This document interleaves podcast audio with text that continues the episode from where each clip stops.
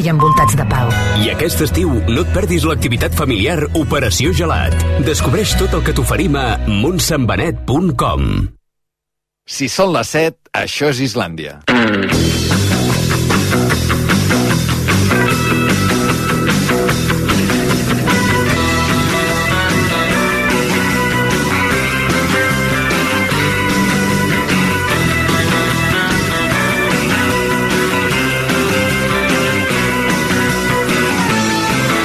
A RAC1 Islàndia, amb Albert Ong.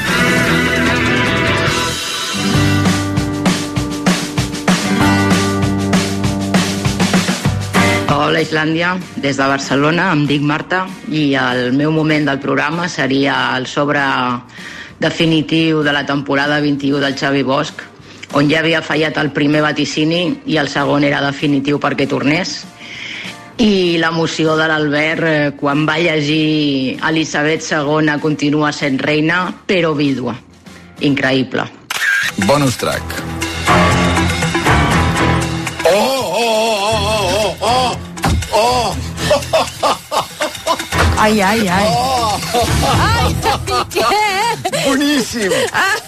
Boníssim. Tots drets. Bonus track. Elisabet II continua sent reina d'Anglaterra, però ha quedat vídua. Oh! Oh! El 9 d'abril, el 9 d'abril, tres setmanes després d'enviar el sobre, va morir Felip de Dimburg. Bé, us trobaré molt a faltar, em sap molt de greu. Espero poder ser a l'ús de gas el dia del comiat i, sobretot, moltes gràcies pel programa i, sobretot, el, en temps de pandèmia vau fer una gran feina. Un petó pel Pou i per tot l'equip. Fins aviat, bonics.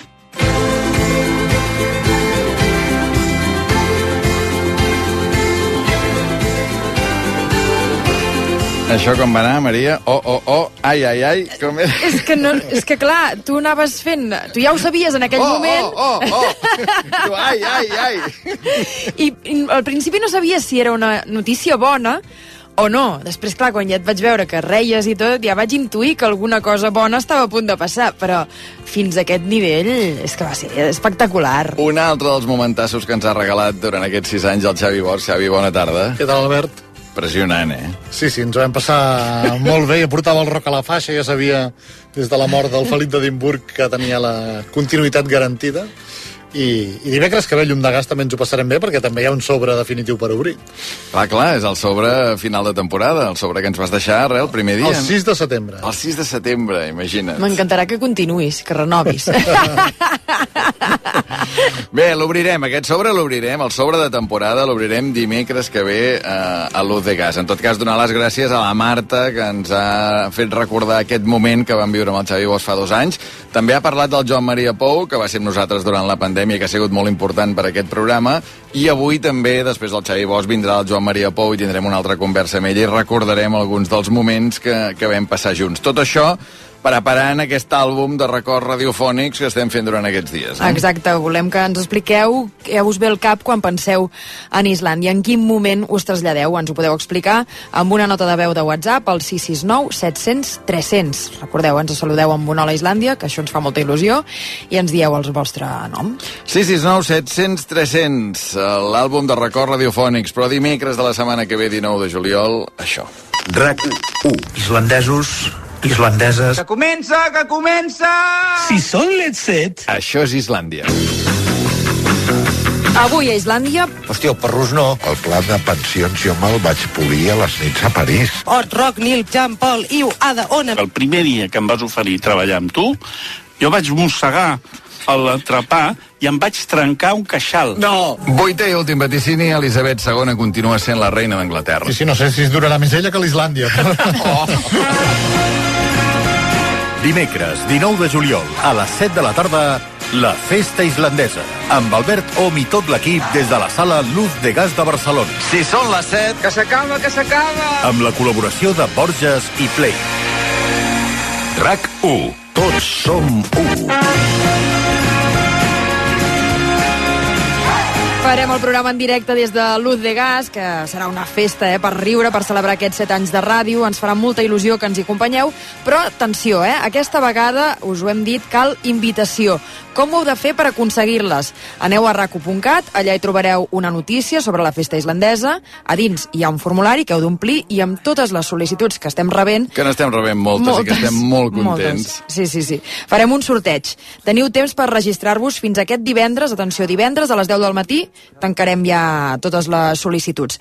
El mateix divendres sabreu si heu tingut sort, per tant, els oients que us hagin tocat les entrades rebreu un correu de confirmació aquest mateix divendres i sabreu si podeu venir el dia 19 eh, a Luz de Gas, perquè em sap greu, però no hi cabem tots. Mm, Per tant, hem de fer, hem de fer aquest sorteig. Hola Islandia. El recuerdo que tengo es escuchar siempre la voz de Albert que me encanta. Lo he seguido siempre en todos los sitios que ha estado. Y, lo, y otro recuerdo importante es el de Xavi Bosch. Me encanta escucharlo los martes. Avui, avui és dimecres. Avui és dimecres. Avui és dimecres, suposo que li agradarà igualment escoltar-te. Tant de bo, doncs. Uh, avui en dimecres. Bé, avui és un dia molt important, Xavi, perquè avui és l'últim sobre de vaticinis, l'últim sobre setmanal, diguem, sí, sí, no? Sí, sí, Bé, sí, és un sobre més. És un sobre més. Ai, Oi, perquè avui hi ha les notes, eh? Hauríem d'acabar bé, però... que, que baixarà la nota, la mitjana? Bueno, fem la mitjana sense el d'avui, no? No cal. Fem la mitjana... Amb el d'avui. Amb el d'avui. Amb el d'avui, Amb si no, no és mitjana ni res, home. No, no. Escolta, que hem de fer moltes coses. Avui hem d'obrir aquest últim sobre setmanal de vaticinis. Hem de conèixer les notes de final de curs i de final de grau, pràcticament, Sí, avui. exacte. No? Avui, De final finalíssim. De final finalíssim. Bé, comencem obrint el sobre setmanal de vaticinis. Borges us ofereix aquest espai. Vaticinis per obrir dimecres 12 de juliol de 2023. El Xavi va tancar aquest sobre dimarts de la setmana passada a 3 quarts de 12. Últim sobre setmanal, última vegada que sabrem a veure ja amb aquests vuit vaticinis que va inventar-se, va escriure dimarts de la setmana passada el Xavi. Comencem pels vaticinis esportius. Primer vaticini, val un punt. Oriol Romeu continua sent jugador del Girona. Oriol Romeu continua sent jugador del Girona, sí, sí. Aquest matí se n'ha anat a entrenar a la ciutat esportiva del Girona. Doncs mira, amb un 0 no te n'aniràs. Un de un. Un de un, comencem bé. Segon vaticini, val un punt. Sergi Darder ja no és jugador de l'Espanyol. Sergi Darder continua sent jugador de l'Espanyol. Un de dos. Un de dos, tercer vaticini, val un punt. Wimbledon ja no el podrà guanyar Carlos Alcaraz. Doncs ara està ara, encara pot guanyar perquè està jugant als quarts de final contra en Rune i guanya 2 sets a 0, de manera que pinta que arribarà a semifinals i que pot guanyar Wimbledon. Just estaves dient això i ha fet el símbol de la victòria, o sigui, ha dit bien. Per tant, Sí, això fa cada estigués- punt, eh? Vull dir que... Vamos. Sí, sí, vamos, el, el, vamos, el vamos, el exacte. Un de tres. Un de tres, un de tres, a veure aquesta mitjana. Sí.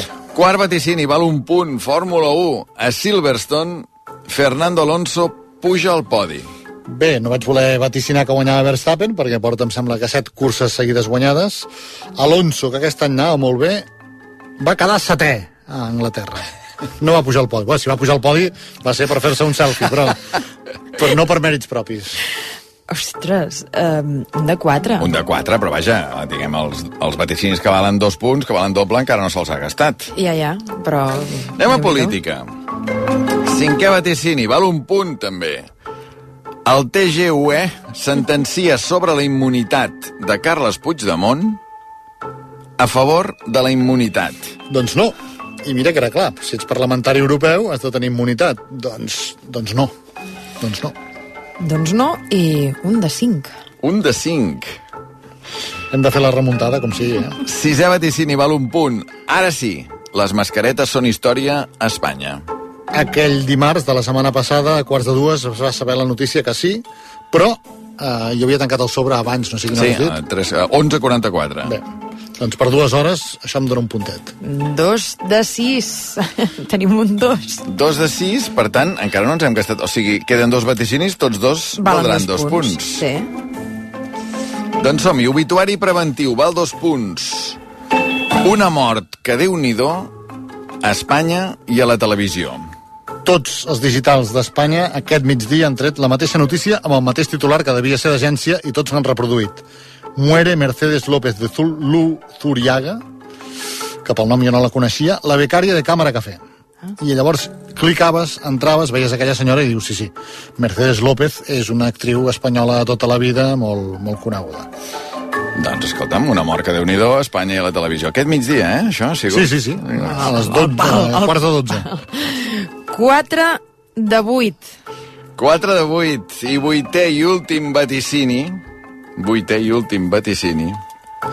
Val dos punts. Joan Carles de Borbó continua sent rei emèrit. Doncs el vividor m'ha salvat a l'últim dia de fer el ridícul. I acabes amb un 6 de 10. Que, Que està bé. està bé. Està bé. Que està bé, i més tenint en compte que hem Que estat... portàvem un 2 de 6, no? Exacte, i el, els cinc primers punts era només un 1. Déu-n'hi-do, déu nhi déu 6 de 10. Bé, per tant, aquest 6 l'hauràs d'afegir, Maria, haurà de fer mitjana amb, Ara mateix ho, ho començo fent. amb totes les notes amb totes les notes que tens, aquestes notes de final de temporada, de final d'aquest curs de vaticinis i de final del grau d'aquestes sis temporades en què el Xavi Bosch ha estat fent els seus vaticinis setmanals. 6 anys és més que un grau, no? És un màster... Sí, sí, és- Carrera i màster, no? Sí, doble carrera, pràcticament hi ha, hi ha una mica de tot. Bé, um, ara arribarà aquell moment en què la Maria t'ho fa passar malament, microimitacions, Sí. etc etc. però clar, aquest curs, si hem de parlar d'alguna cosa, aquest curs de vaticinis, és del que va passar el dijous 8 de setembre de 2022. I fins 7 o'clock, ai, ai, ai, ai, ai, ai. Després que Xavi Bosch hagi vaticinat 200 setmanes seguides que Elisabet II continuava sent la reina d'Anglaterra, podria ser, ai, ai, ai, ai, ai, ai, que aquest vaticini tingués les hores comptades. I qui diu hores també podria dir minuts. Buckingham Palace has announced the death of Her Majesty Queen Elizabeth II. El dia D, 8 de setembre del 22, si hem tingut el detall de comunicar-ho, després de les gestions que hem fet, la família reial britànica dins de l'horari de l'Islàndia. Clar, això ha passat aquest any, eh? Sí, sí. De fet, aquell vaticini que sentíem abans, que no sé què va abans a la reina o l'Islàndia, el mateix curs, el mateix és curs. veritat, és veritat, hem anat allà... Un empat. Ah, Allà, frec a frec. Empat, però perdona, per uns mesos hem, Hem per uns nosaltres. mesos hem sobreviscut a, a la reina, que no semblava fàcil. No. Això passava el 8 de setembre de 2022 i el dimarts següent va ser l'última vegada que el vuitè i últim vaticini sonava així. I arriba el moment. Sí. Són plors, això, eh, Xavi? Bueno, eh? La reina, no?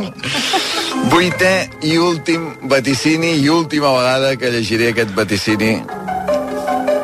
Elisabet II continua sent la reina d'Anglaterra. Un dia o altre havia de passar i després de donar-me 200 punts, com dèieu vosaltres l'altre dia, 200 setmanes seguides, no seré ara jo que ni retregui que s'hagi mort i m'hagi fallat per un dia. Aquí ja hem sentit eh, un dels teus hits eh, d'aquestes microimitacions que són... Eh, era el Núñez, no? Però ara sí, un recull, No, Maria. 44 segons. Un recull dels millors Vaig a- moments Vaig fer un riu i vinc. de, de la teva secció aquesta temporada. Ui, no m'ha agradat un pollastre d'entrada. Mamma, ma, mamma, Maria, ma. Albert Batet, que ja va tenir conseqüències devastadores. Eh, això és moixo truc, eh? A canvi d'un petó, eh? Moixo truc, eh? Xanxanxo. El Capri dient xanxanxo hauria sigut bastant divertit. És que la meva especialitat és en Jordi Bosch. Per què ho dius? Sala Sassà, qui ha fet el nyap del carril bici de la Via Augusta. Serrat comença a cantar el Palau Sant Jordi. Respect. I un colló, fins al síndic del soci. Com deia Joan Gaspar, les quinielas el lunes las acierto todas. 5.490. El cero es menor que 5. Por el culo te la... Un 5. I vindrà la Déu com el foc que dorm al cap d'un misto. Però con dos cojones. Què? No ha sigut gaire greu.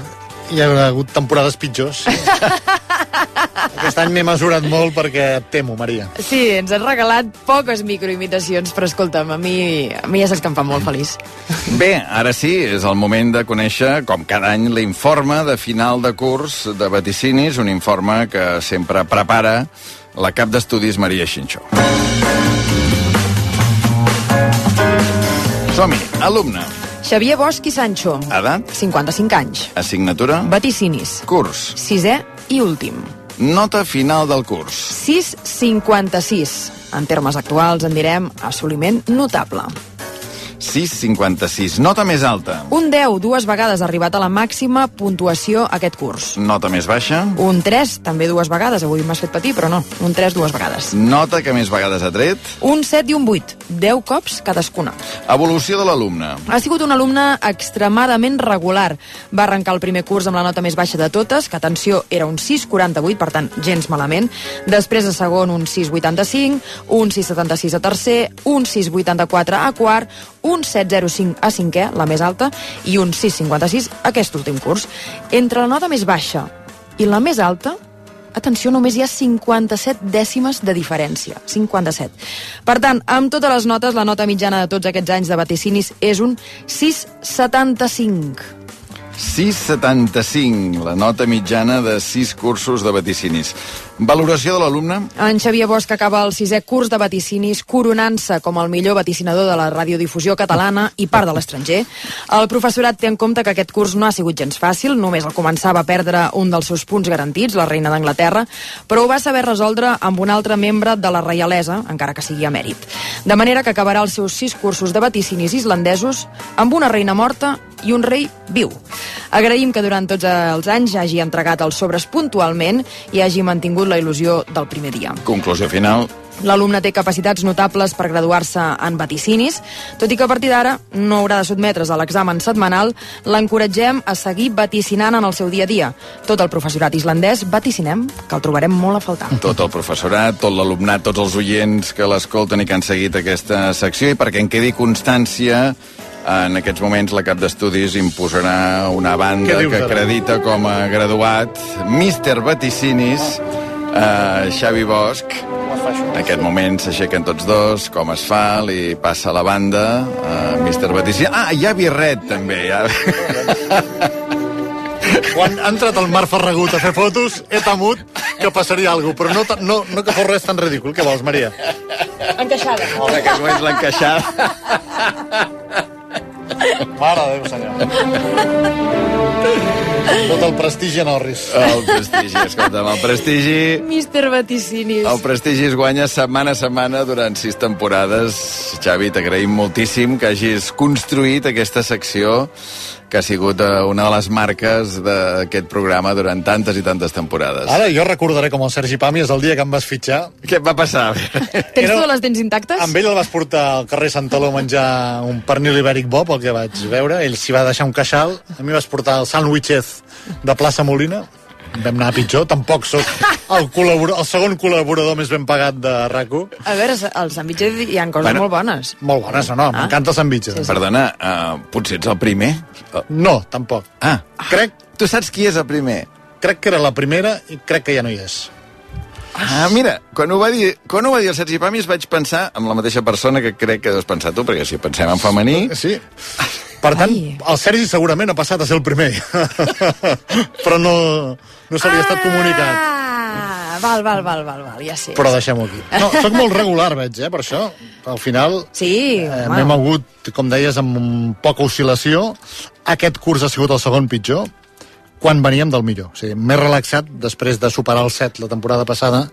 Aquest any hem anat a menys. És que aquest any han, hi han hagut eh, molts aprovats pels pèls, molts Sí. aprovats pels pèls que al, altres anys eh, no, no, No, hi eren no i per tant m'ha baixat la mitjana, però Però vaja. és veritat que has tret moltes vegades un 8, que és una nota, i has tret més vegades que mai també un 10. Dos vegades, Dues vegades. Acabar sis cursos amb un 6,75 de mitjana...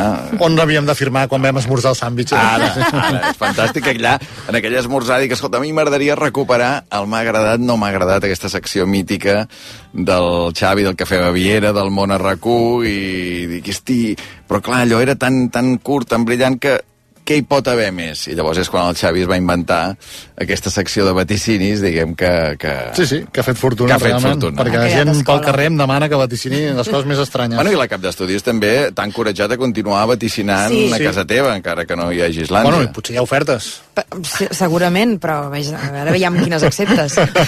no us agradaria veure'm amb una altra samarreta? Jo l'únic que dic és, si la setmana que ve um, el sobre diu que tu continues la temporada que ve, hauràs de venir aquí el dimarts a les 7 de la tarda i el programa que hi hagi, doncs, a fer vaticinis. Bueno, l'oferta que he tingut no era aquesta. Ep, ep, ep, ep. Bé, com Què? ho vols acabar, això, Xavi?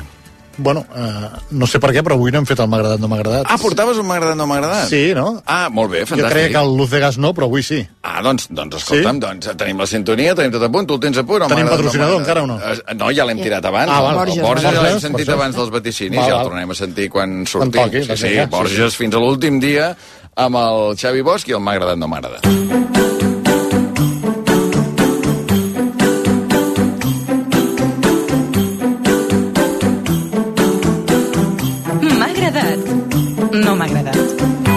Això, que m'ha agradat recordar que el m'ha agradat, no m'ha agradat va començar el setembre de l'any 2000 al Cafè Baviera a la mitjanit de rac i que s'acaba avui, en aquest moment, amb la certesa que a la vida continuaré trobant més coses que m'agraden que que no m'agraden. Però les que no m'agraden, les que m'exciten, les que m'indignen o que em desesperen, les continuaré dient. Hauré, però, de decidir com. M'ha agradat, posat a fer recomptes, Maria, veure que a rac vaig fer 4 anys al Cafè Baviera. Vaig ser 4 anys al Barça jugar rac i vaig fer 3 anys més al món a rac I en canvi he estat 6 temporades, 6 a Islàndia. Conclusió, és molt més fàcil i còmode ser col·laborador, venir aquí un quart d'hora a la setmana, desgastar-te poc, dir besties executades, que no pas l'exigència de pensar i de fer un programa diari que, com bé va dir Mònica Planes aquí dilluns, Islàndia és un programa diferent a la resta de programes de ràdio. Ha estat un luxe que ens hem permès als oients i tot això ha estat un gran mèrit vostre, de l'equip, durant més de 1.500 edicions. M'ha agradat també adonar-me que a través d'Islàndia, i gràcies a Islàndia, he fet un amic nou, quan ja em pensava que a la meva edat, i sent tan poc social com sóc, d'aquestes coses ja n'havia tancat la barraca. I ha resultat eh, que mira per on l'Albert Tom, amb qui havíem coincidit aquí a rac i al diari Ara, i teníem un grapat d'amics comuns, ara ja és més que un telèfon a l'agenda de contactes. El que la reina d'Anglaterra unit, que no ho separi ni del Pol Nord, ni del Pol Sud, ni d'enlloc. M'ha agradat també que l'entrevista més especial que m'hagin fet mai a la vida, i que en són moltes, i que ha tingut més repercussió, me la féssiu a Islàndia. Va ser la Maria, a Montmartre, sota zero, prop de la mitjanit, a París. Vaig dir coses que no havia dit mai i que sense aquelles condicions segurament no hauria dit i que probablement no repetiré mai més enlloc. És un d'aquells moments a la vida que queden i us ho agraeixo. Si el 32 de març, si el 32 de març és el, el moment en què tot s'atura i que la vida ens regala i tot això, aquell instant en va ser un, i de màgic.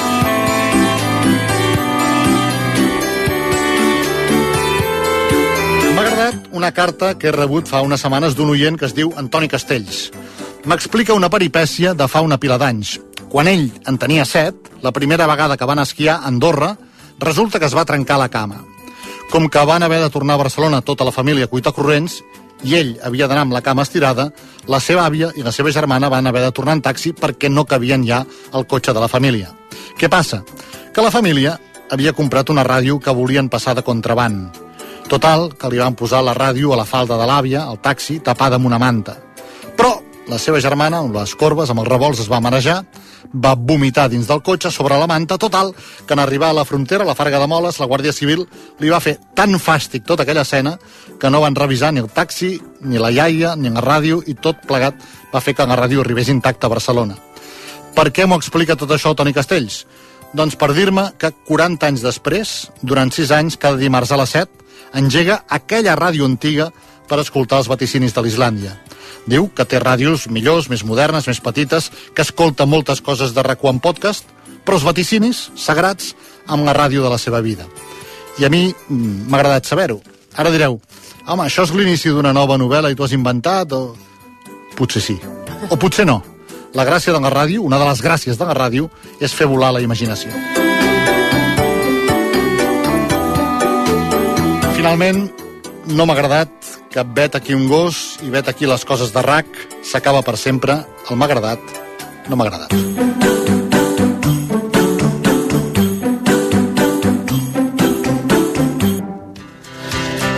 Com sempre no s'hi pot afegir res, el Xavi que pensa cada paraula que diu i que ens has fet molt feliços i per mi és un privilegi tenir-te com a amic i haver-te pogut tenir tots aquests anys a, a la ràdio, Xavi. Igualment, Albert, moltes gràcies. Una abraçada molt forta, molta sort, queden 5 minuts per arribar a dos quarts de vuit, ja veig el Joan Maria Pou per aquí, també aquests dies que A estem punt. fent aquests programes de col·leccionista, diguem, repassant algunes de les coses que han succeït durant aquests anys eh, a Islàndia i una de molt important és eh, la pandèmia. Allò la va pandèmia, ser- tots aquells programes amb el Joan Maria aquí, nosaltres a casa, en fi.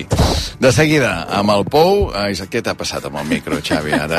Perdó, desar els textos Llevamos dels guions amb la cara 500 feta. Textos. La banda de Mr. Vaticinis. Sí, això no se la treu, eh, la banda de Home, Mr. Vaticinis. Bueno, ara vaig a la festa del diari ara i vaig directament.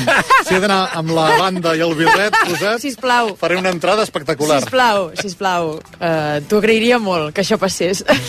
Ara tornem.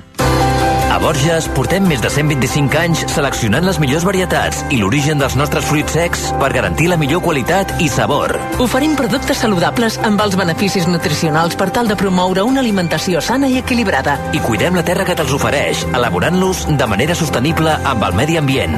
Borges, l'expert en fruits secs. Islàndia, amb Albert Ong. Els gelats La Fageda són com els seus iogurts, el doble de bons.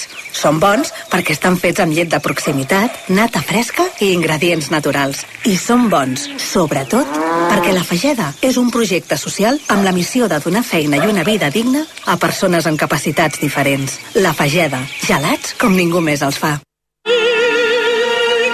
Sondra Radvanovski i Piot Betxaua, junts de nou al Liceu. Dues de les veus més estimades pel públic en un recital memorable amb grans àries de Verdi, Puccini i de Borjak. Tosca, Aida, Russalka, els dies 13 i 16 de juliol. Entrades a liceu.cat. Anna Mena, Víctor Manuel, Joan Dausà, Himnes del Cor i molts més actuaran al Festival Vallviva del 12 al 15 de juliol a la Vall d'en Bas.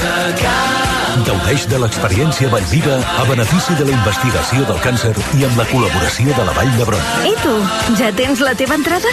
No t'ho perdis i compra-la a vallviva.cat. Escolteu-me bé, vols vendre el teu cotxe? Vols una bona oferta? Oblidar-te de la paperassa i tranquil·litat? Comprem el seu cotxe.cat. Necessites vendre el cotxe ràpid i a un preu de mercat? Comprem el seu cotxe.cat. Perquè la millor solució a l'hora de vendre el teu vehicle és a comprem el seu cotxe.cat. I perquè som de confiança, som d'aquí! Del 21 al 30 de juliol vine al 32è d'Ensàneu, el Festival de Cultures del Pirineu. Dansa, música i patrimoni artístic i natural en un entorn únic del Pirineu català, les Valls d'Àneu. Tindrem la música de Caral Laoz, amb la dansa del bailaor José Manuel Álvarez, Toti Soler, el Nus La Flor, d'Enric Casasses i fins a 30 propostes més. Viu una experiència cultural no massificada i de qualitat en l'any del 40è aniversari del Consell Cultural de les Valls d'Àneu. Tota la informació i venda d'entrades a dansaneu.cat. Islàndia, amb Albert Ong.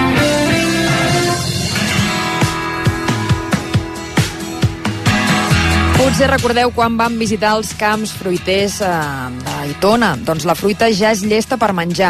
És dolcíssima i plena de propietats i antioxidants. I la podeu tenir a casa amb només un clic. Entreu a aitonagourmet.com i en 24 hores rebreu la fruita acabada de collir. Els pagesos de casa s'esforcen durant tot l'any per oferir-te fruita boníssima, melmelades, almíbers i sucs molt gustosos i amb molt poc sucre. aitonagourmet.com, del camp a casa teva.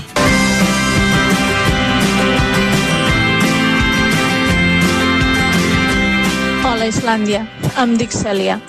El que més recordo tots aquests anys són les converses entre el Joan Maria Pou i l'Albert durant el confinament. Era una finestra oberta d'aire fresc i deixava de fer el que fos per escoltar-vos.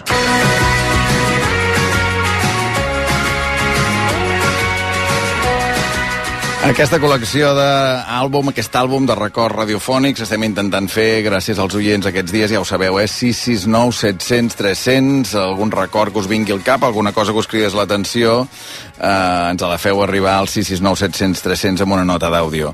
Joan Maria Pou, bona tarda. Bona tarda, Albert Tom. Ja has vist la Cèlia que deia, eh? Doncs és un regal, la veritat, que, que una de les fotos de l'àlbum sigui d'aquella època que vam compartir tantes hores de, de ràdio, doncs eh, em, em sembla meravellós. Perquè ja t'ho he comentat moltes vegades que, malgrat que la situació era la que era i que moltíssima gent, evidentment, ho estava passant eh, fatal, des d'un punt de vista estrictament professional, com a apassionat de la ràdio, és una experiència que m'enduré per tota la vida i de les que queden absolutament marcades. Um, el Joan Maria ha fet moltes coses a Islàndia, ha sigut molt important, ho hem dit sempre en aquest programa. N'hi ha una que m'agradaria recordar-la també, perquè és molt, molt, molt, molt del principi de la primera temporada. Uh -huh. La primera temporada hi havia Islàndia Ah. de 7 a dos quarts de 9. Sí. Ja saps què tiraré ara? No, no. Ah. No, no. I a dos quarts de 9 què passava? Que començava el 9C, que en aquella època el feia jo, Va. imagina't. Jo vaig eh, ser puntual, sempre, sempre et vaig deixar els pitos nets. Sempre, a l'excepció d'un dia. D'un dia. doncs recordem quin dia. El, la quin dia no vam ser puntuals. Ho deixem aquí, Anna Guitar, moltes gràcies. Llistó molt alt pel Pou, eh, amb aquest acudit. Exacte, Festival d'acudits. Gràcies, Ramon. De res, m'hi explicaré en el Pou. Oh, ja no tindrem temps. No li explico en el Pou, i em sap Ens greu, ho eh? explicaràs a nosaltres, no? Sí. Ens ho explicaràs a És nosaltres. molt curt, eh? És molt curt, doncs va, explica'l, explica'l. Un nen que passava pel davant d'una església el capellà diu ¿Quieres ser cristiano, hijo? Diu, no, padre, prefiero ser més. Va, aixeca'l. Ah, ara exacte. Tot teu, Pou. Gràcies. Eh, bona nit a tothom. Són dos quarts de nou. Benvinguts al nou C de rac A aquesta hora estem molt pendents de la votació al Congrés dels Diputats que ha de permetre al Tribunal Suprem jutjar Francesc Coms per l'organització del 9-N. Sensacional, aquest Sensacional. Una cosa és la plom, que el Joan Maria no el perd mai, però hi ha el gràcies. No, no, el gràcies, Eh? el to... Eh, Gràcies. Bé, hauria... Els oients, evidentment, no, no ho saben, però jo, aquella cara, jo la recordo, la cara de l'Albert, quan veu que per primera vegada i ara ja podem dir última, doncs no eh, deixarà el programa amb els senyals horaris de dos quarts perquè de cop i volta algú vol explicar un acudit eh, relacionant Cristiano i, i Messi. Va ser sensacional. Et va veure tu i va dir, escolta, és la meva. Ja li vam dir, escolta, no, ens ho expliques a nosaltres i deixem que el Joan Maria faci el Però programa. no, no, és, és molt curt, eh? Home, Ramon, sí, Sí. senyor. He de dir que alguns oients ho recordaran que jo vaig fer el 9C dues temporades i a la primera temporada tu eres col·laborador I del tant, 9C i tant. i vas deixar de ser-ho perquè vas començar a fer Islàndia. Sí, senyor. Sí, senyor. 2015-2016, que feien parella amb la Cristina Puig. El no s'ha parlat prou Em pensava que, quan has dit he de dir, em pensava que anaves a dir que, que havies explicat aquest acudit eh, després que, No. que el Ramon... Eh... O que us havíeu tornat a trobar amb el Ramon, o que el Ramon havia vingut al teu restaurant, en fi, podien passar, podien passar moltes coses. Um, a veure, més coses que el Joan Maria Pou ha fet uh, en aquest programa, per exemple, això. Dos homes, David Caravell i Joan Maria Pou, i un objecte. Ah, això també... Va ser molt xula aquesta secció amb el David Caravent. Va ser... Jo, jo tinc molt bon record de- d'aquella secció de pensar, no? quan havíem decidit l'objecte, tenies uns quants dies per no, intentar estirar fils al voltant d'aquell objecte. I una cosa que passava molt sovint i que a mi m'agradava molt d'aquella secció és que realment l'aproximació a l'objecte del David i la meva eren molt diferents. Recordo el sofà, per El sofà. exemple. No, el sofà, que, que clar, el David Caravent té un trauma amb els sofàs, Sí. que, que ens va explicar que, n- que ni seia, Ni seia, que, no? clar. I per mi era com, és com una segona pell i jo no entenia la seva relació amb el sofà. Vull dir, en, Urticària versus amor, no? Sí, ell que no para quiet, que és un neguit, i diu que pràcticament això d'estirar-se al sofà per ell és inconcebible, no? I jo no, no entenia res. Tenim una persona que està rient molt en aquest moment, que és Anna Guitart, perquè ha recordat el moment Ramon, que ell era, Era- present era allà. present allà, sí, sí, sí. Que ho hem sentit Home, fa... és que em va, rap, em, em va raptar, no em va dir aixeca-ho això ara. No? I encara no havia explicat el- l'acudit final. Vull dir que... Bé, um, els oients que ens estan enviant records i n'hi ha molts que estan lligats també amb aquests, evidentment, amb aquests mesos de pandèmia que vam haver de fer una ràdio de subsistència, si ho, si ho podem dir així, els primers mesos, les primeres setmanes, amb la Maria Xinxó i jo mateix des de casa, i en canvi qui estava aquí, al front d'Islàndia i al front del 9C, era el Joan Maria Pou eh, amb totes les hores. De seguida, en aquell temps de pandèmia, vam començar a fer algunes seccions fixes, no? i una d'elles era els balcons a les 8 del vespre. Té a veure això amb el que ens recorda l'Anna. Hola, Islàndia. Jo sóc l'Anna i us explico dos records que tinc de moments molt diferents. Un record ve del vostre primer programa Eurovisiu islandès, en el qual vau sortejar un pernil i jo em vaig ser la guanyadora. Duíeu hores i hores de programa i vaig veure un missatge que deia que m'havia tocat el premi. L'altre record és molt diferent i és del març de 2020, quan ja estàvem tots i totes tancades a casa, i vau contactar amb mi per fer una connexió en directe des del balcó de casa davant el clínic. Vam parlar un parell de vegades i vaig poder explicar per antena què passava cada vespre davant de l'hospital. Anna, bona tarda. Hola, bona tarda. Què està passant avui davant de l'Hospital Clínic? Què veus des del teu balcó? Doncs mira, a part de molt de soroll, eh, una vintena de sanitaris, bueno, ara acaben d'entrar, però han estat una bona estona aquí fora, eh, aplaudint i tothom ovacionant-los, eh, persones fent reverències, tipus allò quan el Messi marca, i bueno, molt emocionant, molt emocionant. Van ser moments eh, difícils, però al mateix temps molt especials i molt emocionants. Bé, salutacions i molta sort i encerts en els nous projectes i una abraçada per tothom. Clar, sembla que parlem d'una altra època, eh? Mm. Quan sents ara aquest document amb la sirena que passava, amb aquell que ens explicava una vintena de sanitaris a fora del clínic, la gent fent-lo reverències com si fos davant del Messi, deia, no? És que a més, clar, març del 2020 estem en el moment on encara hi ha moltes preguntes que gairebé cap resposta. No sabíem quin seria, quin seria l'abast de tot plegat, no? No, no, totalment. Acabàvem de començar. Totalment. Uh, un parell de documents més, abans no ens posem a xerrar, però és que clar, hi ha hagut molts oients que en aquest àlbum de records radiofònics han recorregut uh, aquells, aquells mesos.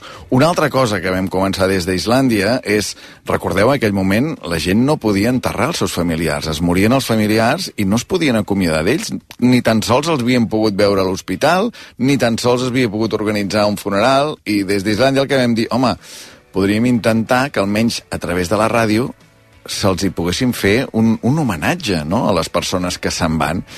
I li vam dir qui són o qui, Qui eren, eren els vaja, que ja no hi són. els que ja no hi són, diguem, no? Qui eren els que ja no hi són. Ho recorda la Rosa? Hola, Islàndia, sóc la Rosa de Barcelona. Jo tinc molts records vostres. Us escolto gairebé cada dia, però el record que tinc més present cada dia és quan fèieu el programa aquell, bueno, la secció de recordar els que ja no hi són. Jo em vaig recordar dels meus pares perquè quatre dies de diferència van morir tots dos. I bueno, us vaig fer un, unes paraules per en recordar-me d'ells.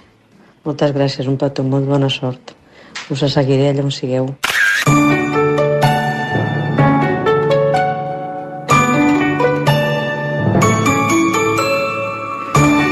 meus pares es deien Daniel Bachero Fallos i tenia 87 anys. La meva mare, Júlia Pedrosa Comas, i tenia 88.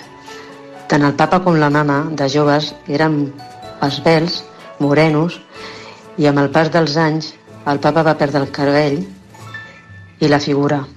La mama era molt presumida. El papa de caràcter era molt seriós. La mama era un cascabell, però es compenetraven molt bé.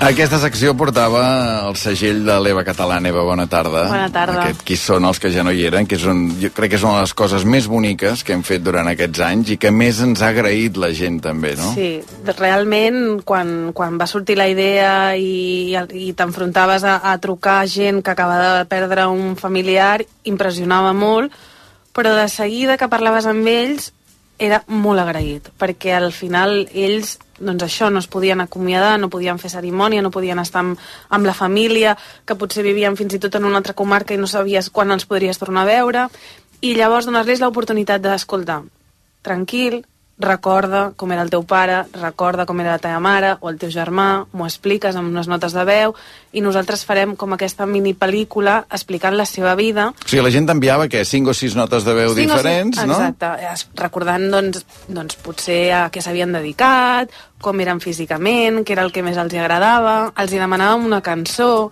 sobretot, i llavors quan recordo que moltes famílies després, a part de demanar doncs, de donar-los les gràcies i que els havia ajudat, el dia que, que ho emetíem s'asseien al sofà tots junts i alguns m'havien enviat la foto de, de la ràdio i una copa de vi com mira, ha estat la cerimònia i ha sigut molt, molt xulo. I jo deixant dir que a nivell personal jo vaig perdre la meva àvia a l'estiu i una de les cançons que vaig fer sonar va ser una que vaig descobrir gràcies al, al qui eren els que ja no hi són, que era el Jorge Sepúlveda Mirando al mar, perquè o sigui, clar, vam començar a conèixer també moltes cançons d'una època que poder no havíem escoltat i jo arran d'això li vaig posar a la meva àvia, li agradava molt i el dia que, doncs, que vam fer la, el seu funeral, que sí que el vam poder fer, doncs una de les cançons que va sonar va ser aquesta. Clar, a vegades, eh, quan fa ràdio, jo crec que no...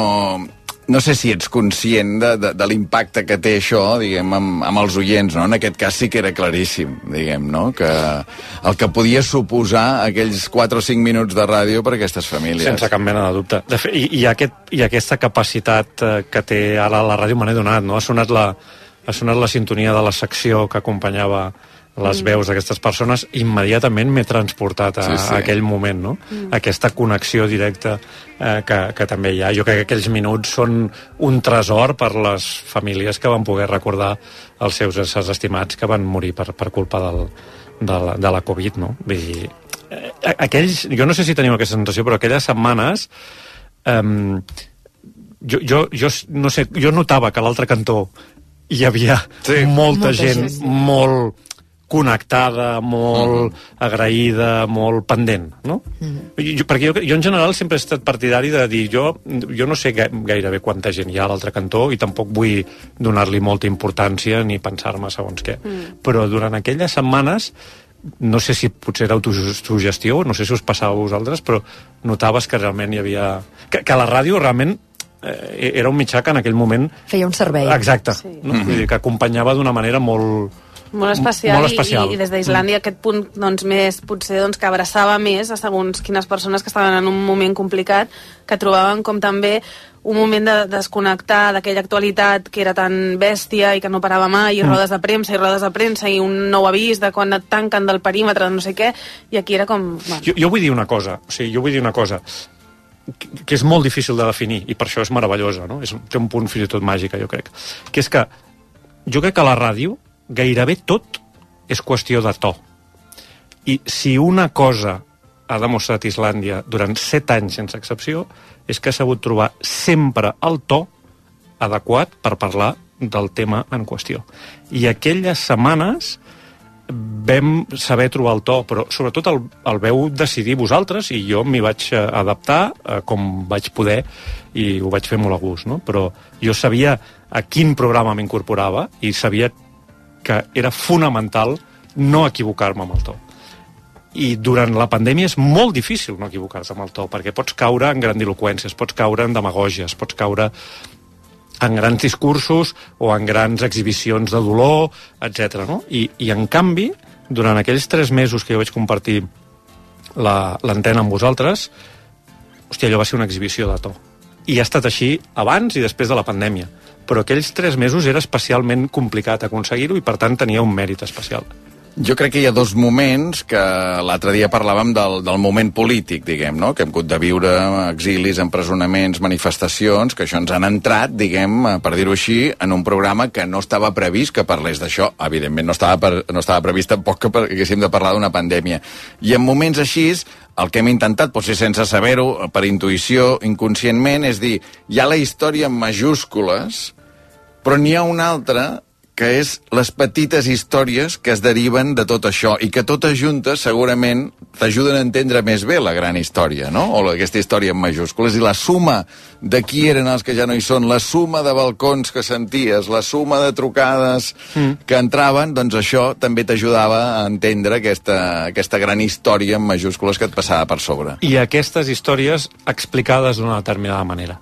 Perquè si vosaltres repasseu la secció dels familiars recordant els seus eh, morts, és un record que també té un to. Uh -huh. No és una estripada emocional que no toca fer-la a Islàndia. Això ja ho van fer en el menjador de casa seva, aquesta gent. No és una cosa freda, impersonal, no. És una cosa que té aquest punt d'equilibri que t'arriba, que tu pots eh, connectar, empatitzar amb el dolor d'aquella persona, però que aquella persona és capaç de teixir un discurs i d'explicar qui era el seu familiar i per què eh, el vol recordar, en aquest cas, en un programa com aquest. Mm -hmm. La Cèlia deia això, no?, aquestes converses que, que li perquè a vegades això, ens passàvem 20 minuts seguits eh, al començament del programa parlant tu i jo de, de qualsevol cosa. Avui pensava, home, estaria bé que, que també intentéssim fer una altra conversa, no? I el punt de partida, que jo proposo, que és un punt de partida molt arriscat, sí. és dir, hem fet 7 anys d'Islàndia, de 2016 fins a 2023. Intentem mirar 7 anys endavant? Intentem anar fins al 2030, ara som al 2023, la mateixa, el mateix que ha durat Islàndia, 7 anys, ens situem 7 anys eh, més endavant, al 2030. Vaticinis globals. Sí, no sé si dir-li vaticinis globals o dir, clar, eh, eh, som capaços, jo no ho sé, eh, Joan Maria, jo t'ho llenço, que jo crec que la resposta és dir no, no sóc capaç. Som capaços d'intentar veure per on poden anar aquests anys que venen? Mira, quan, quan eh, aquest matí que també m'ha transportat aquells tres mesos de la pandèmia, que molts matins ens enviàvem un missatge per posar un punt de partida a la conversa i després ja veurem cap on ens du, eh, m'has comentat aquesta idea el primer que he pensat, hòstia, el cabró no para de tenir idees bones de manera sistemàtica, això ja és per sempre, ja veig que no té res a veure ni amb l'edat ni amb res. I segon, el primer que he pensat és, d'acord, dona-hi un parell de voltes. I me n'he adonat, això que dius de si és possible o no és possible, que a mi m'és menys difícil eh, apostar o vaticinar o explicar-te per on crec que aniran les coses pel que fa a la independència de Catalunya, pel que fa al Barça, pel que fa a la política, a la societat, una mica els grans conflictes que hi ha a casa nostra, que no, per exemple, de la primera persona. Uh -huh. Perquè jo, per una sèrie de coses que m'han passat a la vida des de molt petit, per mi, set anys enllà és un termini absolutament inconcebible. És a dir, no, no sóc capaç de concebre'm a mi mateix d'aquí set anys. Perquè, perquè per mi no existeixo d'aquí set anys. M'explico? És un... Vés a saber. No? I aquest vés a saber, que suposo que tots el tenim en algun moment de la nostra vida, en el meu cas pesa prou com per dir-te si, o sigui, jo pensava, quan l'Albert em pregunti com et veus, perquè sé que m'ho preguntaràs, com et veus, com t'imagines d'aquí set anys, he de fer aquesta prèvia. I és que no em veig, és que no m'imagino. Perquè no, no, no és un termini per mi assumible, m'explico? T'expliques totalment, però és que jo també diria que tampoc és assumible des del punt de vista de l'actualitat, per dir-ho així, no? Des del punt de vista de, de les grans qüestions. Clar, eh, val, intentem dir, eh, tu, tu deies, hi ha determinades coses, no?, polítiques o així, que potser sí que em veig una mica més amb cor que no pas personalment. Però si tu mires el que ha passat els últims set anys... Oh, és veritat. És que, no, és que no, ningú hagués endevinat no. ni una. O sigui, clar, un president, el president de la Generalitat a l'exili, mm. la meitat del govern empresonat, primer mm. jutjat, empresonat, tornat a sortir amb un indult que es pot revertir, no sé què. El rei fugit a Abu Dhabi. Totalment. O sigui, el rei emèrit fugit a Abu Dhabi, mm. el que havia abdicat ja el 2014, dos anys abans que comencés aquest programa, fugit a Abu Dhabi. O sigui, una guerra eh, a Europa una guerra a Europa d'un país contra un altre, que això és una cosa que no es veia a tot el món des de fa molt temps, un país contra un altre. Vull dir, la pandèmia no cal... O sigui, és veritat que si haguéssim És fet és- aquest joc el 2016 hauríem naufragat. Total, el, el sí. repassar el Ara em sap greu 2023... no haver-lo fet, perquè seria molt xulo passar-lo avui, saps? I dir, ostres, no em vam encertar ni Clar, un. és que 2016, sí, home, podies veure, home, ja s'estava escalfant, no, tot el tema de la independència, per exemple, dius, home, Sí, però arribar... a- Bueno, no sé... hi haurà un referèndum, no hi haurà un referèndum, sí. potser haguessis pogut mullar, sí, jo crec que en els propers set anys potser hi haurà un referèndum, però clar, Tot el, serem que, independents. tot el que es va derivar d'allò, no? És... És veritat que és un, és un joc que està ple de riscos i que el més normal, si al cap de 7 anys el repasses, és que t'hagis menjat amb patates, mm, perquè al final també, el, el, el, quan jo hi he pensat, i penses també des de el teu estat d'ànim actual, des del no, el punt de vista de com estan les coses ara i que creus que doncs, hi ha una sèrie de coses que crec que evolucionaran no malament, no, molt malament. Per exemple? No? Eh, doncs, per exemple, tot això que té a veure amb, amb les bombolles eh, informatives i opinatives que cada vegada s'estan tancant més, no? aquesta tribalització eh, de, del, de l'opinió, eh, aquest, aquest deliri de l'actualitat en el qual estem entrant, que és absolutament eh, eh, antagònic i que impedeix que hi hagi un, una reflexió pausada, un discurs, una certa racionalitat a l'hora d'elaborar Això sí que ja podem dir que no hi serà d'aquí set jo anys, crec que no? serà molt pitjor encara, que estarem eh, encara viurem més ràpid, encara la sensació aquesta que, que se t'escapa el tren encara serà, estarà més aguditzada i que jo crec que aquesta tribalització eh, de l'opinió eh, serà ja absoluta i que estarem parlant de societats on no hi haurà un tauler de joc comú. Mm -hmm.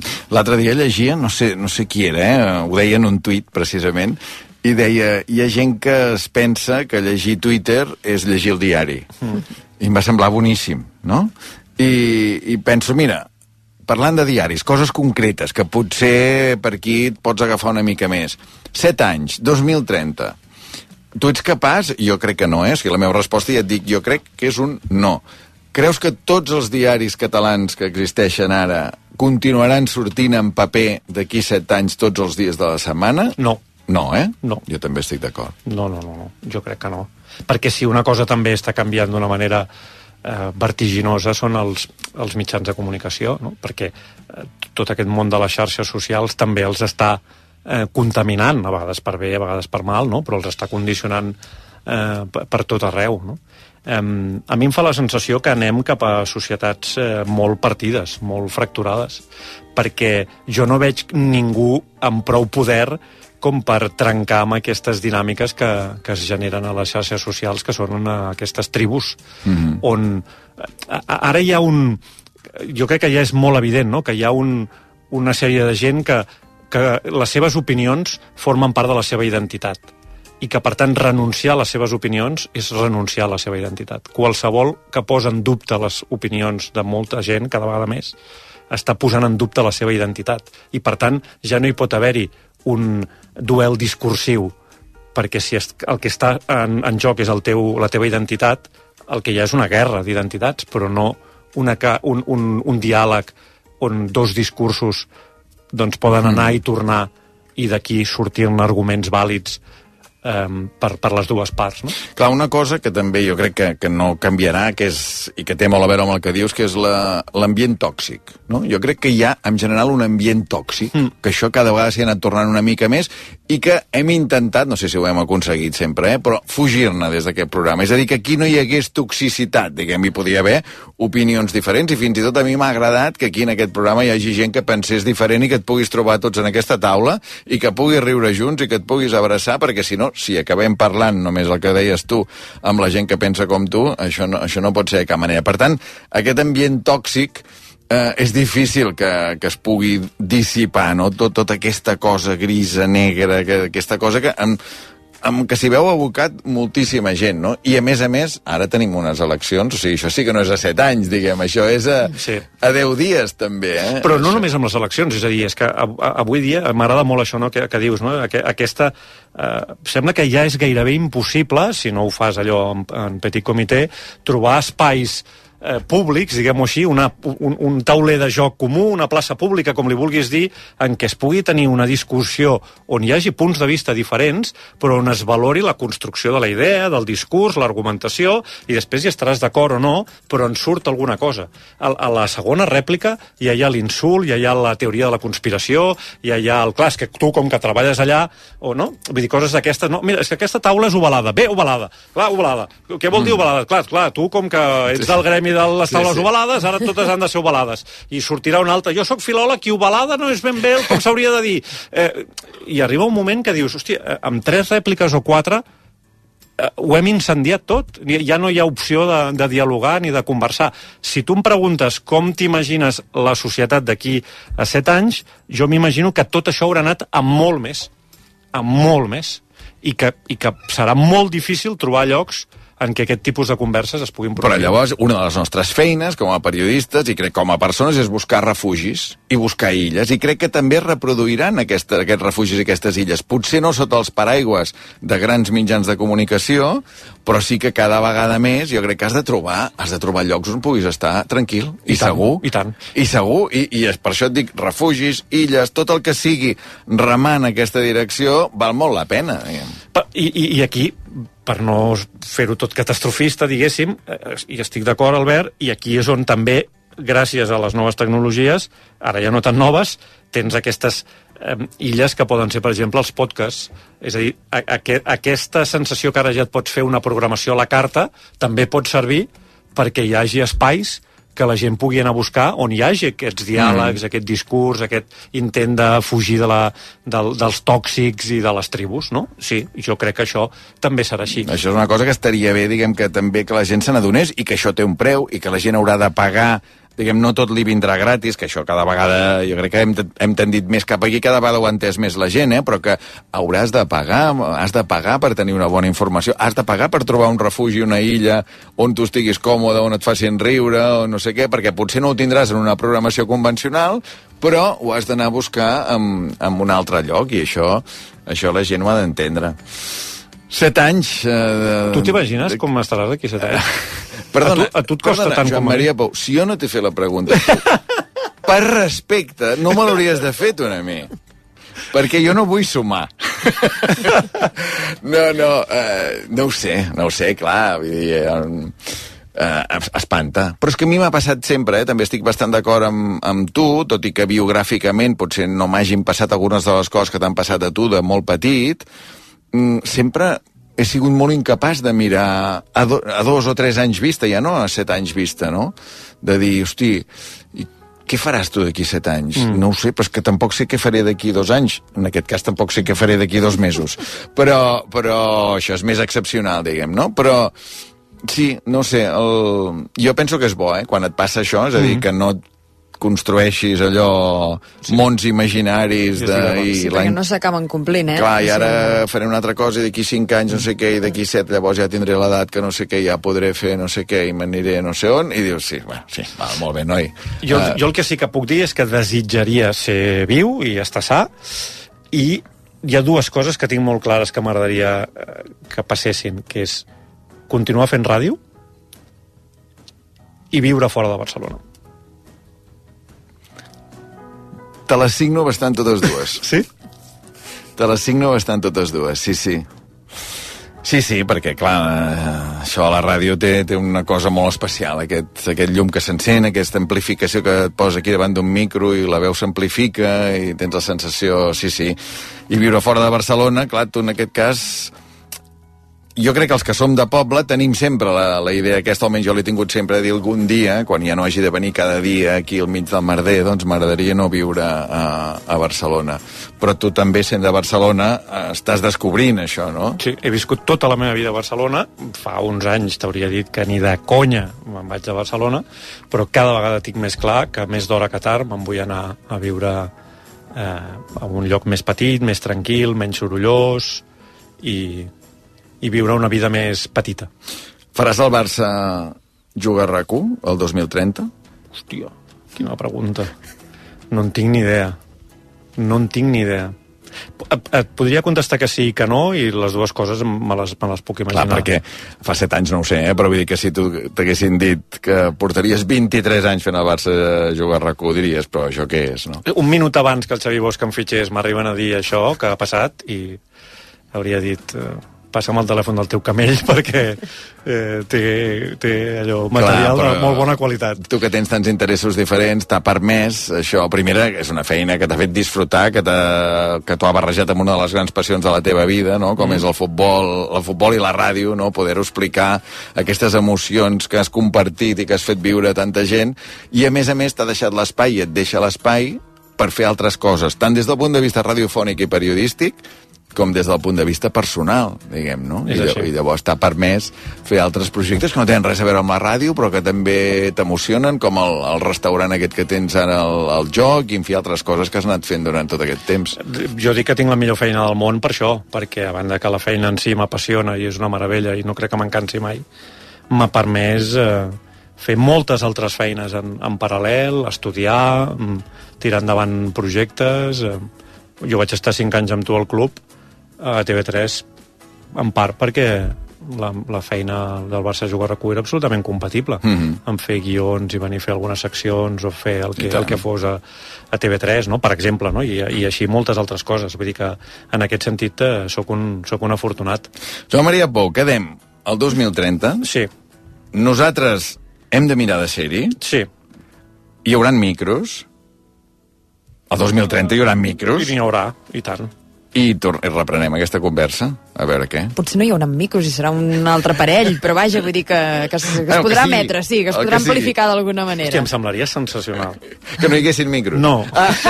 que el juliol del 2030 poguéssim trobar-nos en un, on sigui, però amb un parell de micros o tres a, hòstia, i, i xerrada, i mira, vam, vam pensar que passaria això, que passaria l'altre... El Barça, el Barça serà societat anònima o no el 2030? Ah, bona aquesta. Um, Gavi tindrà 25 anys.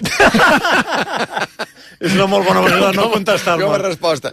Um, podria ser. Aquesta podria ser. I no em semblaria una catàstrofe, però això ja, ja entraríem en un, ja em sembla, entraríem en un altre debat ara. Ah, I n'hem fitxat un avui, Víctor Roque, fins al 2030. Veus? I serà Víctor Roque el 2030 al Barça? No. Ah, bona, bona. Joan Maria, gràcies per tot, de debò. Gràcies a vosaltres, ha estat un plaer i un, i un privilegi. Ara tornem, les 8 en punt. RAC 1 Allí on la brisa del mar t'acarona, on pots descansar a l'ombra dels pins, refrescar-te en platges d'aigües transparents i recórrer camins de muntanya infinits. Descobreix la Costa Daurada més natural. Descobreix l'Hospitalet de l'Infant i la Vall de Llors, on el mar es fa muntanya. Més informació a hospitalet-valldellors.cat A Nespresso sabem que cada moment del teu estiu és per gaudir-lo. I el volem viure amb tu. Perquè siguis on siguis, no renuncis al teu cafè preferit. Per això en la teva propera comanda rebràs un detall que complirà el teu estil del sabor inconfusible de Nespresso. Apropa't a la teva botiga Nespresso i gaudeix de Your Special Days fins al 16 de juliol. Consulta'n les condicions a nespresso.com. Nespresso. What else? Si tens un principi de vista cansada o cataractes, a l'Institut Oftalmològic Tres Torres et donem la solució amb l'última tecnologia, el làser Cataris. Ràpid, segur i còmode. No t'ho pensis més. Vine i demana la primera visita informativa. Truca al 900 842 848 o entra a iott.net. Del 12 al 23 de juliol, el ballet de Kiev torna al Teatre Tívoli amb Llac dels Signes. Vine i gaudeix d'un espectacle solidari.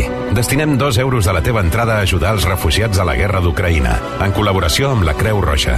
No et perdis aquest clàssic, El llac dels signes al Teatre Tívoli. Aconsegueix la teva entrada a balanaenviu.com. Un lingot d'or, or amb diamants, joies d'or, or de 24 quirats, monedes d'or. Qui té or, té un tresor. I a Criso el valorem més que ningú. Vine i comprova-ho. Criso, a carrer València 256. Especialistes en la compra d'or, rellotges de gamma alta i diamants. Intel·ligència artificial. Qui és el millor fabricant de sofàs? Fama. I on puc comprar sofàs Fama? Fàcil, a Fama Living Barcelona. Soc dins d'un ordinador, però conec Fama Living Barcelona. Ara sé que en un sofà seu. Fama Living Barcelona, Avinguda Diagonal 329, carrer Montaner 293, carrer Mallorca 156 i famalivingbarcelona.com. I al juliol, rebaixes. Fama Living, les botigues de sofàs que conquisten el món. Pots reformar o pots fer el teu projecte amb Fontgas. Fontgas. 35 anys de servei distribuint materials per a instal·lacions, reformes, climatització, sanitaris i molt més per a casa teva o per al teu negoci. Vine a les nostres 6 botigues Fontgas de Terrassa, Sabadell, Barcelona i ara també a Granollers i Sant Celoni. Visita'ns a fontgas.com i a les xarxes. Fontgas. La Masia La Mer, de Cabrera de Mar, presenta tots els divendres el Festival Eden Garden, amb els millors tributs en versió música clàssica a l'aire lliure. Entra al web lamerbsn.com i aconsegueix la teva entrada a més d'un sopar estil còctel. Aquest divendres, 14 de juliol, a Masia La Mer, tribut a Ludovico. Més info a lamerbsn.com. Volar amb helicòpter és una sensació única. Ara, Coptering amplia la seva oferta de vols privats. Nou servei de trasllat de passatgers amb helicòpter. Un camp de golf a la Costa Brava? La segona residència a la Cerdanya? Un hotel? Un restaurant? Aparca el cotxe i deixa que els nostres pilots et portin on vulguis de forma més ràpida i segura. Més informació a coptering.com. Conserveu tot allò que us interessi de RAC1 entrant a rac1.cat, el portal de notícies de RAC1. Islàndia, amb Albert Ong. 8 i 4 minuts. Ens posem al dia amb el Joan Torra. Joan, bona tarda. Bona tarda. Correus replica Alberto Núñez Feijó que el vot per correu és totalment segur. En un comunicat, l'empresa pública defensa la professionalitat dels seus serveis i de tots els seus treballadors. Això després que el líder del PP hagi alimentat la teoria de la conspiració que apunta una possible manipulació del vot per correu. Demà és l'últim dia en què es pot sol·licitar i Feijó ha demanat als carters que treballin sense parar per garantir-lo. Feijó els ha reclamat que ho facin amb independència dels seus caps, ha dit. Unes declaracions que ja han provocat la resposta de Pedro Sánchez. Y por eso le pido a los carteros de España que trabajen mañana, tarde y noche, que si no le pagan las horas extraordinarias, en el primer Consejo de Ministros le pagaré las horas extraordinarias a todos los carteros de España. La manipulación, lo estamos viendo con este tipo de declaraciones que se hacen para socavar la, la confianza de la gente en sus instituciones y, y en la democracia española. Correus també afegeix que vol mantenir-se al marge de debats que pretenen fer mal a les institucions públiques. I el PSC és a punt d'aconseguir la presidència de la Diputació de Barcelona. A l'acord que ja tenia tancat amb els comuns hi ha sumat el del partit de l'alcalde de Terrassa, Jordi Ballart. Estan pendents del vot de dos diputats independents que s'havien presentat en coalició amb Junts, però si no hi ha sorpreses d'última hora, eh, la socialista Lluïsa Moret serà la presidenta de la Diputació. El secretari general de Junts, Jordi Turull, ja reconeix que la situació no farà un tom, tot i que, eh, diu, s'ha intentat tot. Se'ns demanava garanties de risc zero perquè no se'ns pot passar per alt que després de l'operació Barcelona el Partit Socialista sempre té un comodín que es diu Partit Popular i cridam aquella formació política que més s'entén pel tema de la unitat d'Espanya que és el PP. El ple de Constitució de la Diputació de Barcelona es farà demà al migdia. I aquesta nit, eh, més música a Barcelona. A veure què ens ha portat. Vents de David Bisbal, Sebastián Yatra... Avui, Aviam veure, què toca avui. A veure.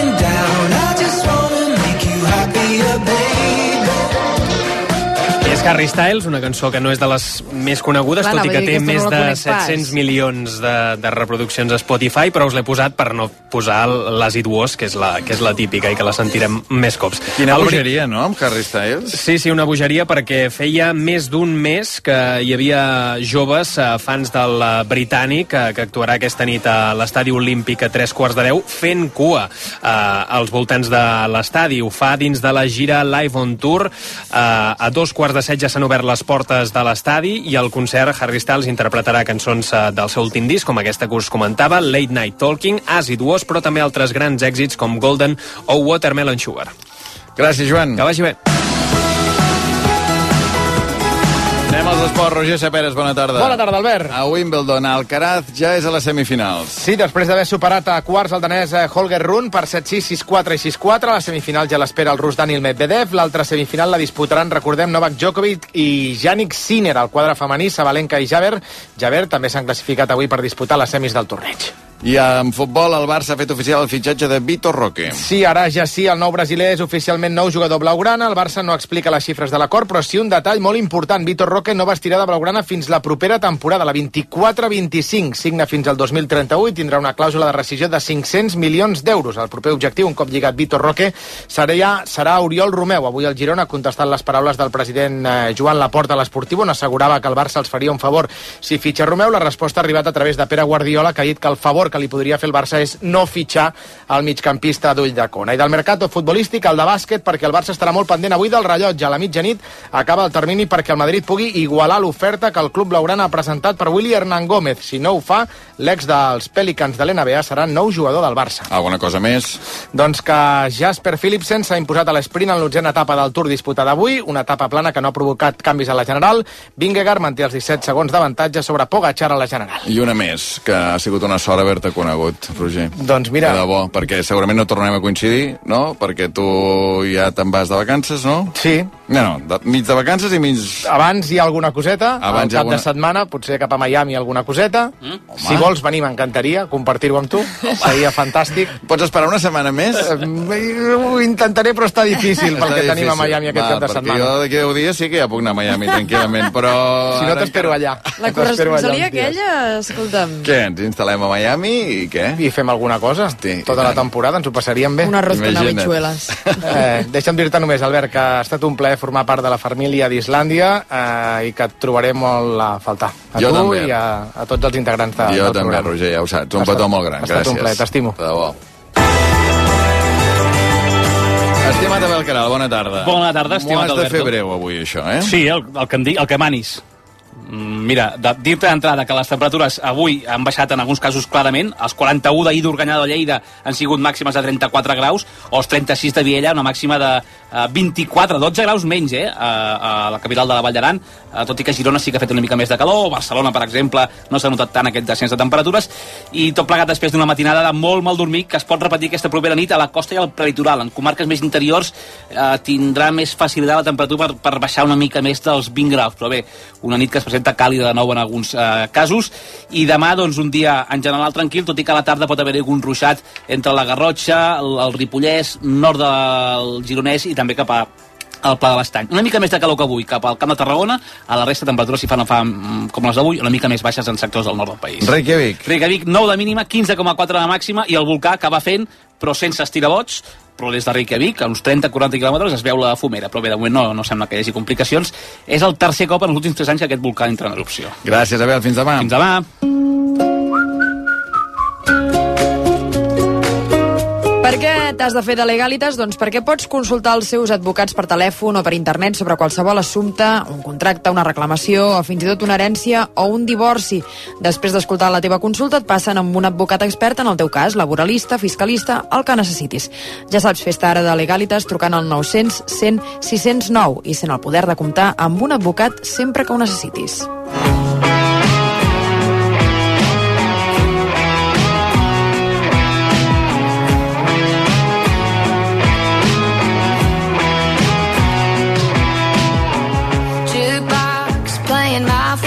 song bar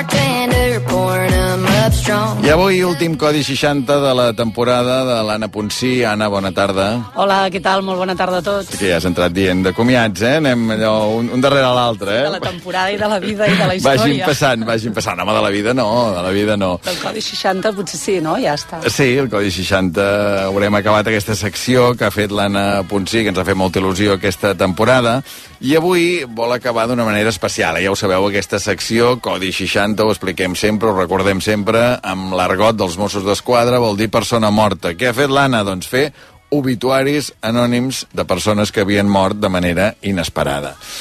Avui has triat acabar d'una manera que fa uns anys també ens va suggerir, exigir Àngel Casas. I he pensat, mira, mira Àngel Casas i Anna Ponsí, o sigui, com dos periodistes d'aquells de raça, cadascú amb el seu estil, han tingut el mateix ull periodístic, pràcticament. I com acabarem, això? Doncs ho farem amb música, que amb la ràdio sempre és molt agradable escoltar-la, amb les cançons que sonen als funerals. I no volem que això sigui un funeral, evidentment, però sí que és bonic potser deixar dit quina cançó t'agradaria el dia que sigui el teu últim adeu, no? Nosaltres ho farem a través d'en Josep Fadó, ell és tenor, és actor, és fill de Mataró, aficionat a la música, al teatre des de petit, apassionat per la lírica. Uh, no t'ho perdis, eh? Va començar treballant al banc i ho va acabar deixant fa 25 anys per dedicar-se, doncs això, plenament a la música. Té clar que el més important és transmetre emocions i els funerals són un bon espai per fer-ho. L'any 2011, un altre músic, en Xavier Martín, pianista, el va anar a buscar perquè l'ajudés a tirar endavant una empresa que es diu Música per Cerimònia el Par Amics, que ofereix oradors i interpretacions musicals en els enterraments, ho fa de la mà dels tanatoris d'Àltima, la Ronda de Dalt de Barcelona i en molts altres municipis de l'àrea metropolitana. Això hi ha uns comercials eh, que de la pròpia empresa, que són els que tracten amb la família, i una de les parts és la part doncs, de la cerimònia concretament, i allà és on te, pacten amb la, amb la família què voldran de cerimònia, si una laica en català, una laica en castellà, etc i la música que voldran durant la cerimònia. I aquesta comanda, per dir-ho, és la que nosaltres ens trobem per descarregar i veure exactament quina serà la feina. En funerals posen sempre una base amb tres instruments, el piano, el principal, un violí o una flauta travessera i un violoncel. També tenen cantants tant de música clàssica com moderna i un músic que fa els arranjaments si els demanen una peça que no és en el seu ampli repertori. Tenen poc temps per preparar-ho i per això disposen d'una bossa de treballadors amb uns 25 músics o oradors per tenir algú sempre a punt. Estem parlant de, de timings de 24 a 48 hores. Eh? A partir d'aquí es veu que és el que nosaltres eh, ens, ens refereix, si tenim que, que posar un orador, o si tenim que posar dos, tres músics, quatre, els que siguin, i els temes que demana la família. Organitzem això, contactem amb l'orador que considerem que ha de fer aquesta cerimònia i, per altra banda, contactem amb els músics que hauran d'interpretar els temes musicals aquell dia, eh, o si serà l'endemà o com a molt cap de 48 hores. El tanatori sempre ofereix diferents tipus de rituals, cada cop ho hem explicat també en algun de Codi 60, cada cop hi ha més funerals laics.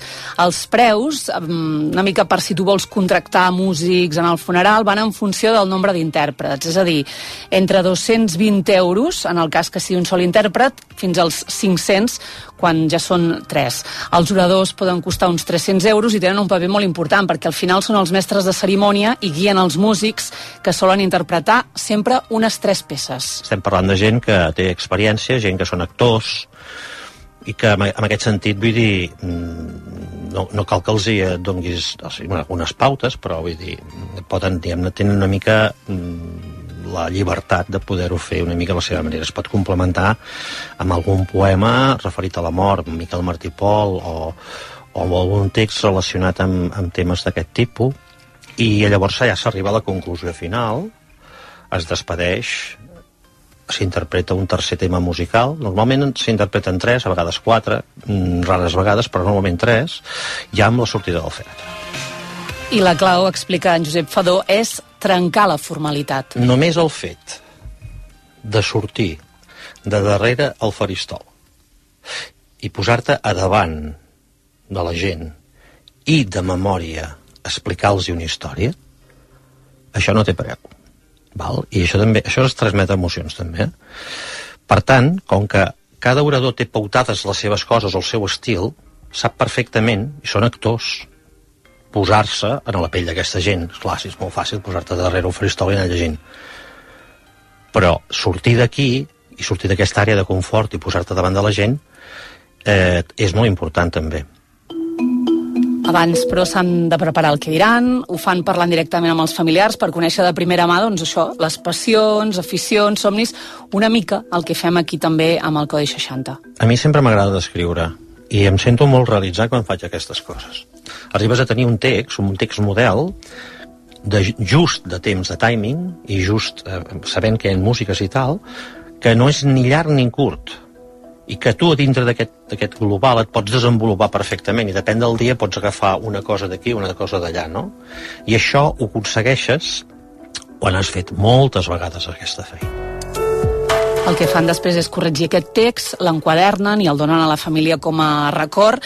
Aquesta empresa, eh, Música per Cerimònia, porten més de 30.000 funerals des de l'any 2011. A Barcelona fan uns set rituals cada dia de mitjana. La funerària els marca un temps molt estricte, ha de durar entre 25 i 30 minuts, i jo no sé si t'ha passat mai, Albert o Maria, que vas a un funeral i tens molta por de que el capellà o qui estigui parlant s'equivoqui mm. amb el nom del I tant, finat. i tant que ha passat. Això és el pitjor que et pot passar. Sí, eh, a vegades eh, nosaltres considerem doncs, que un orador amb, amb un dia de feina com a màxim, com a màxim, només hauria de fer dos o, excepcionalment, tres cerimònies. Però Josep Fadó té clar quan la feina està ben feta. Nosaltres el que també intentem és transmetre aquestes emocions i ho, ho veiem i ho aconseguim quan veiem la família si ha quedat satisfeta o si durant la cerimònia realment ha arribat a l'emoció, no? Això és un, un com el, el, el godon que nunca enganya, no? Doncs és això, no? Una mica el transmetre emoció. Va, parlaves de música al principi. Quina seria la, la playlist o els hits, si em permets dir-ho així, de, dels funerals, dels, ceri- les cançons més demanades per aquestes cerimònies? Mira, en Josep té clar que tots tenim la nostra cançó. Ell, de fet, li vaig fer aquesta pregunta i va quedar una mica parat perquè va dir, ostres, jo mai he dit quines són les peces que voldré el dia del meu funeral, però està convençut que la gent que l'estima, que la gent que té a prop, la saben. No m'ho he plantejat, però estic segur que... No sé si m'ho plantejaria, mira, no, no sé. Però estic segur que els, els que quedessin sabrien perfectament quins serien les meves músiques preferides. Eh? No tinc dubte. Un dels temes que... Un tema, com a mínim, ha de ser de Queen perquè, com et deia abans, jo com que estic obert a tot, eh, des de sempre que he sigut un fan de Queen, eh, i un dels, un, dels, un dels temes hauria de ser un tema de, un tema de Queen del Freddie Mercury, això està clar. Un altre tema hauria de ser un tema relacionat amb la meva feina, amb el tema de l'òpera i de la lírica. I el tercer, potser m'ho hauria de pensar.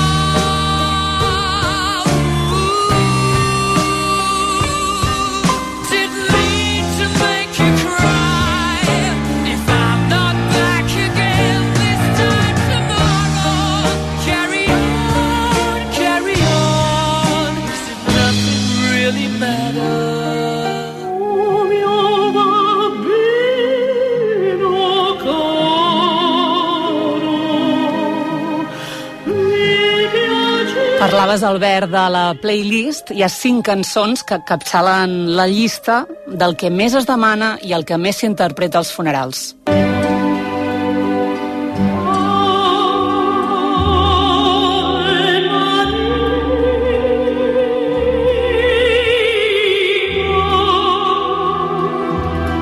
L'Ave Maria de Schubert és el que més es demana, seguit d'aquest.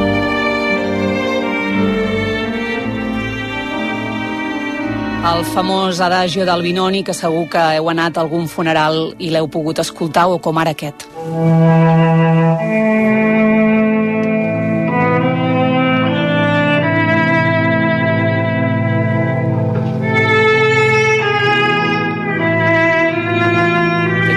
algú que diu que això és una Nadala, que no cal que soni en un funeral, però vaja, si t'agrada, encara que el seu origen sigui una cançó de Nadal, no passa res perquè soni en els minuts de silenci al Camp Nou, per exemple, o moltes cerimònies, I, també. I ara us vull demanar una cosa. No teníeu la sensació d'estar en un funeral mentre escolteu aquestes peces? Sí, és una sí, passada com la música transporta als llocs.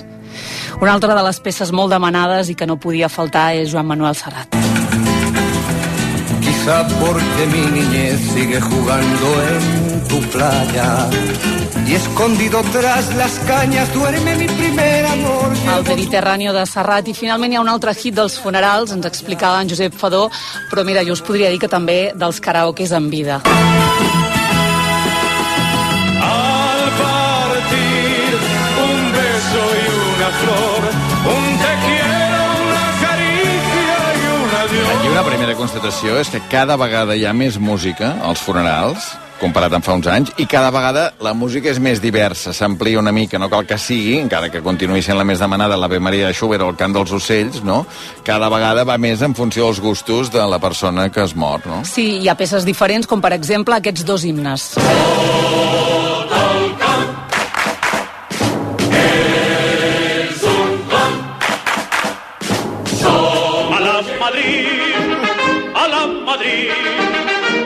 noble y bélico Atalid. De vegades també l'himne de l'Espanyol o els demanen boleros, el virulai o la salve rociera. Bésame,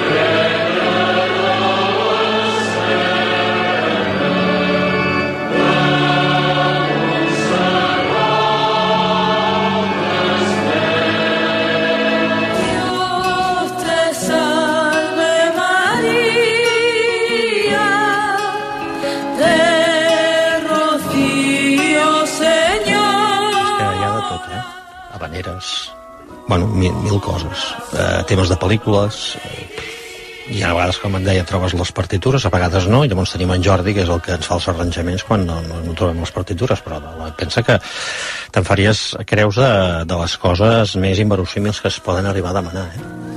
En Josep, com dèiem, és tenor professional, la feina li agrada molt, diu que li ha canviat la percepció sobre l'amor. Durant la pandèmia va tenir molta feina, tot i les restriccions, acabàvem fent fins a quatre funerals cada dia amb un altre company. I li agrada quan les famílies s'emocionen amb la música i al final de tot li agraeixen. Ell va perdre la mare fa 22 anys i el pare l'any 2013. sé el que és, eh, sé el que es passa i sóc molt conscient i fins i tot et diria que m'agrada molt fer aquesta feina dona moltes satisfaccions encara que la gent es pensi que dona moltes, moltes satisfaccions perquè sempre són més o sempre pesen més l'agraïment de la família a lo que la feina que has fet que no pas puntualment algú que jo que sé, que no estigui content, que és mm, esporàdic. I no sé si heu trobat a faltar una peça musical quan repassàvem aquesta llista, però n'hi ha una de molt emotiva i popular que no hem sentit. La que més m'emociona no ho sé, però la que més em ve de gust fer quan, quan la família demana és el Nessun Dorma perquè l'he cantat molts cops, perquè per la meva feina l'he feta i tot, i sé que la gent aquesta és una... És una, és una aquest, això del Nessun Dorma, de fet, ho va popularitzar molt els tres tenors, amb Pavarotti, Carrera i en Domingo, i la gent ho demana perquè a vegades fins i tot ens diuen no, no, ho demà el Nessun Dorma d'en Pavarotti no, no, no és d'en Pavarotti, és d'en Puccini però és igual, nosaltres ja ho entenem, eh? i és perquè a la gent allò, allò li agrada llavors et, et ve molt de gust fer això i, i, i transmetre, com et deia, aquestes, aquestes emocions que en un funeral doncs la, la gent tingui l'ocasió de poder sentir-lo en directe és, està, és una de les, de les coses que potser m'agrada més fer I li hem fet un atracament. Faig un tros, el tros del final vale? Ma il mio mistero è chiuso in me, il nome mio nessuno saprà, no, no, sulla tua bocca lo dirò, quando la luce splenderà, ed il mio bacio scioglierà il silenzio che ti fa mia. Dire buonanotte, tramontate stelle, all'alba vincerò, vincerò, vincerò. no estava ni a to, però bueno, és igual Impressionant, eh? Sì,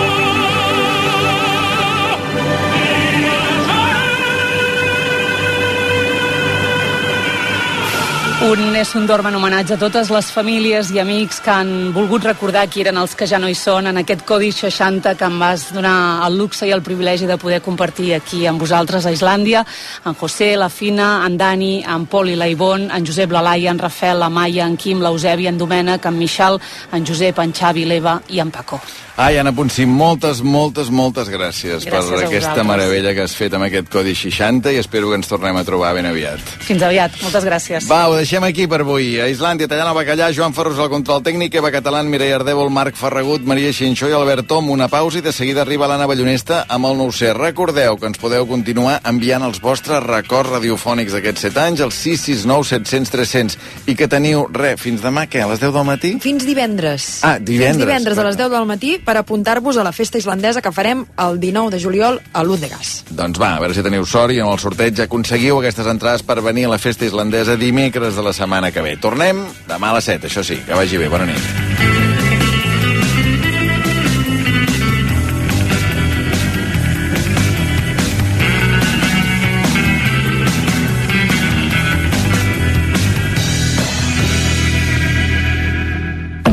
Total look icònic per viatjar? Aprofita els descomptes encara més extraordinaris de la Roca Village. Ara, les firmes més cool com American Vintage, Zadig Voltaire o Mandarina Duck amb fins al 70% de descompte sobre el preu original. T'esperem de dilluns a diumenge a la Roca Village per a gaudir dels nostres descomptes encara més extraordinaris. A Instituts Odontològics cuidem activament la teva salut dental i el teu benestar amb un equip mèdic de primer nivell. Estètica, ortodòncia invisible, implants de càrrega immediata. Demana la teva primera revisió gratuïta a ioa.es o trucant al 900 131 002. Instituts Odontològics. Perquè quan estàs bé, somrius. Fes-te ara de Legalitas i sent el poder de comptar amb un advocat sempre que ho necessitis. Truca gratis al 900 106 08 o entra a legalitas.com. Imagina poder compensar el 100% dels excedents de les plaques solars amb la millor bateria virtual. Descobreix com estalviar a solideo.cat. Solideo, el poder de la teva energia. A Electrodomèstics Calvet t'assessorem i et recomanem les millors marques en electrodomèstics, com Beko. Els frigorífics Beko utilitzen la tecnologia Harvest Fresh, que simula el cicle de la llum solar i fa que els aliments es conservin frescos durant més temps amb totes les vitamines i els nutrients. Compra sempre productes eficients i de màxima qualitat. Electrodomèstics Calvet, més de 70 anys fent-te la vida més fàcil. Deixa't seduir per la gamma de vehicles híbrids endollables i purament elèctrics de la xarxa Volvo de Catalunya i els seus dissenys exclusius. Amb màxima seguretat per a les persones i per al nostre planeta. Perquè Volvo ja és futur. Eficiència i màxima connectivitat. Autonomia 100% elèctric de fins a 578 quilòmetres. Ara amb entrega immediata i carregador i instal·lació Wallbox gratuït. Xarxa Volvo de Catalunya. Vols escoltar tot el que sona a RAC1? En directe o a la carta. El que passa a la ràdio Passa a raco.cat. i molt més. Notícies. Última hora. Actualitzacions minut a minut. Contingut exclusiu. Fàcil i intuïtiu. RAC1.cat Sigueu on sigueu, bon estiu amb RAC1. Tots som u.